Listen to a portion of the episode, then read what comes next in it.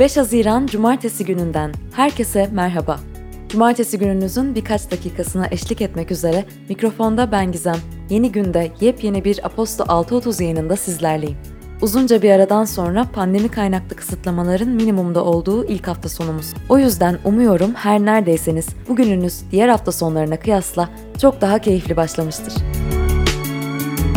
Bugünün bülteni About Nights destekleriyle ulaşıyor. Aşktan, müzikten ve eğlenceden beslenen, rengarenk ve deli dolu bir topluluk olan About Nights, yazın gelişinin coşkuyla karşılandığı Midsommar günleri yaklaşırken Nordik ülkelerin bu geleneğini tanımaya ve yazın gelişini kutlamaya davet ediyor. Ayrıntılar bültenimizde diyorum ve 5 Haziran Cumartesi gününün öne çıkan başlıklarını aktarıyorum. Haftayı geri sar.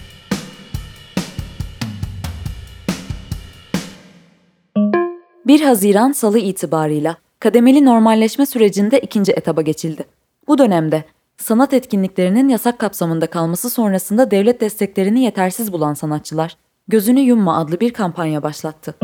Cumhurbaşkanı Recep Tayyip Erdoğan, Salı akşamı katıldığı bir televizyon programında Merkez Bankası Başkanı ile görüştüğünü ve faizlerin düşürülmesi gerektiğini söyledi. Ertesi gün TCMB Başkanı Şahap Kavcıoğlu, para politikasında erken gevşeme beklentilerinin tümüyle ortadan kalkması gerektiğini ifade etti.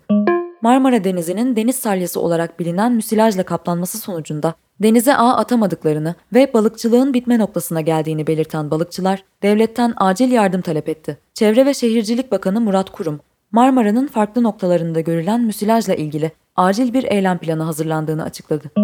Beyoğlu Kaymakamlığı, Gezi Parkı protestolarının 8. yıl dönümü anma etkinliklerini COVID-19 tedbirleri gerekçesiyle yasakladı. CHP, İzmir ve Ankara barolarıyla bazı sivil toplum kuruluşları 28 Mayıs günü Ayasofya Camii'nde gerçekleşen etkinlikte Mustafa Kemal Atatürk'e yönelik kullandığı zalim ve kafir ifadeleri sebebiyle İmam Mustafa Demirkan hakkında suç duyurusunda bulundu. MHP ve AK Parti'den de Demirkan'a yönelik tepkiler geldi.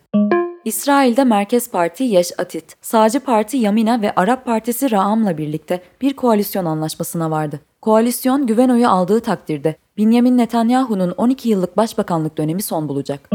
Dünya Sağlık Örgütü, Çin'de geliştirilen COVID-19 aşısı Sinovac'e acil kullanım onayı verdi. Öte yandan ABD Başkanı Joe Biden, Dünya Sağlık Örgütü'nün COVAX programı aracılığıyla 25 milyon doz COVID-19 aşısını diğer ülkelerle paylaşacaklarını açıkladı. Biden, Haziran sonuna kadar bu rakamı 80 milyona çıkarmayı hedeflediklerini söyledi. Politika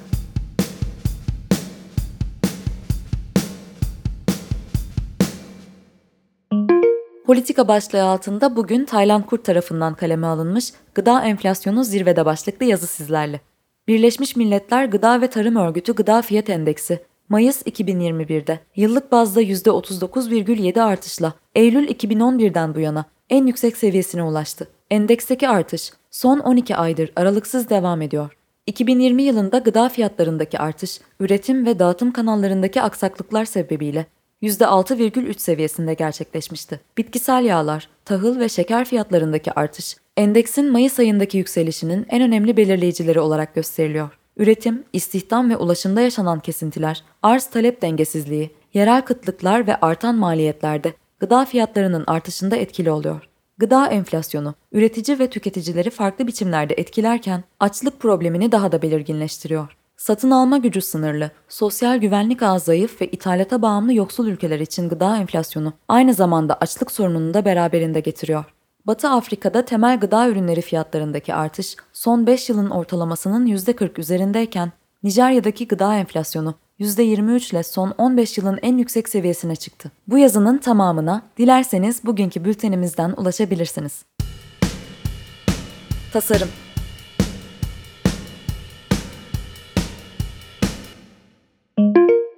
Bir cumartesi gününde daha Sıla Eser'in sizler için hazırladıkları geliyor huzurlarınıza tasarım başlığı altında. Kendisi bu hafta bisikletli şehirleri konu edinmiş kendisine.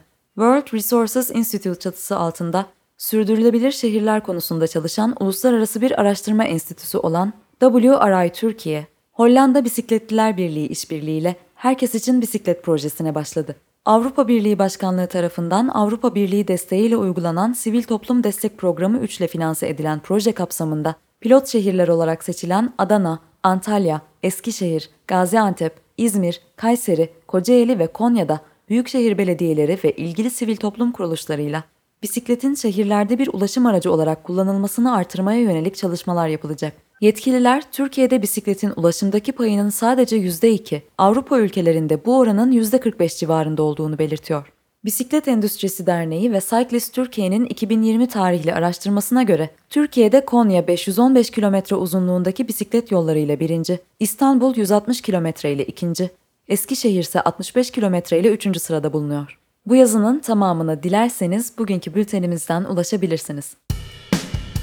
Gastronomi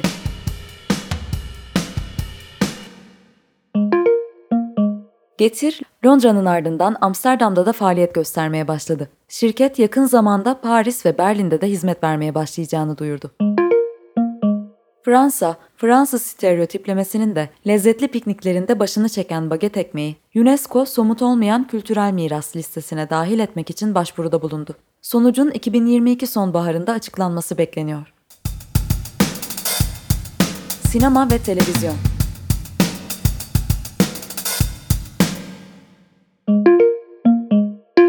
Sinema salonları 1 Temmuz'a kadar kapalı kalmaya devam edecek. Yayımlanan genelgede Kültür ve Turizm Bakanlığı yetkilileri ve sektör temsilcileriyle yapılan görüşmeler sonucunda salgınla mücadele tedbirleri kapsamında devamlılığın sağlanması hususu göz önünde bulundurularak böyle bir kararın alındığı açıklandı. 40. İstanbul Film Festivali'nin ulusal belgesel ve ulusal kısa film yarışması sonuçlandı. En iyi belgesel ödülünü, insanın hayvanlarla kurduğu ilişkiyi farklı kültürel alanlarda inceleme amacını taşıyan meselesini yaratıcı bir sinema diliyle ortaya koyarken, ele aldığı konular üzerine bir düşünme ve tartışma alanı açmayı da başardığı için Yusuf Emre Yalçın'ın yönettiği Anima, en iyi kısa film ödülünü ise çarpıcı hikayesi, sarsıcı performansları, birinci sınıf görüntü ve sanat yönetimi, olgun ve kontrollü yönetmenlik anlayışı sebebiyle Serhat Karaaslan'ın yönettiği Suçlular kazandı. Ferit Karahan imzalı Okul Tıraşı filmi 38. Uluslararası Fecir Film Festivali'nde en iyi senaryo ödülüne layık görüldü. Film ilk kez geçtiğimiz aylarda düzenlenen 71. Berlin Film Festivali'nde gösterilmiş ve festivalden ödülle ayrılmıştı. Cannes Film Festivali 6-17 Temmuz tarihleri arasında düzenlenecek olan festivalde gösterilecek filmleri açıkladı. Türkiye'den Semih Kaplanoğlu'nun Bağlılık Hasan filmi de festivalin belirli bir bakış bölümünde gösterilecek. Öte yandan Festivalin onursal Altın Palmiye ödülünün 6 Temmuz'daki açılış töreninde oyuncu Jodie Foster'a takdim edileceği duyuruldu. Müzik gündemi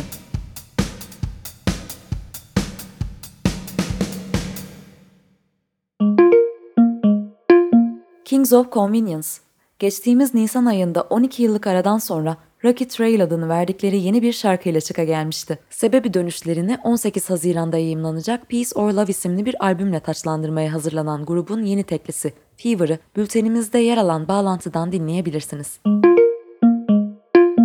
Dark Side, daha önce 23 Temmuz'da yayımlayacağını duyurduğu Spiral isimli ikinci albümünden yeni bir tekli paylaştı. Nicholas Jar ve Dave Harrington'ın 2011-14 yılları arasında Berlin merkezli kolektif üretimlerinden doğan Dark Side'ın yeni şarkısı Lawmaker'ı bugünkü bültenimizde yer alan linkten dinleyebilirsiniz. Billie Eilish, 30 Temmuz'da piyasaya çıkaracağını duyurduğu ve şimdiye kadar 3 tekli paylaştığı Happier Than Ever isimli albümden yeni bir şarkı daha servis etti. Jungle, 3 yıllık bir aranın ardından 13 Ağustos'ta Loving in Stereo isimli yeni bir albüm yayımlayacak.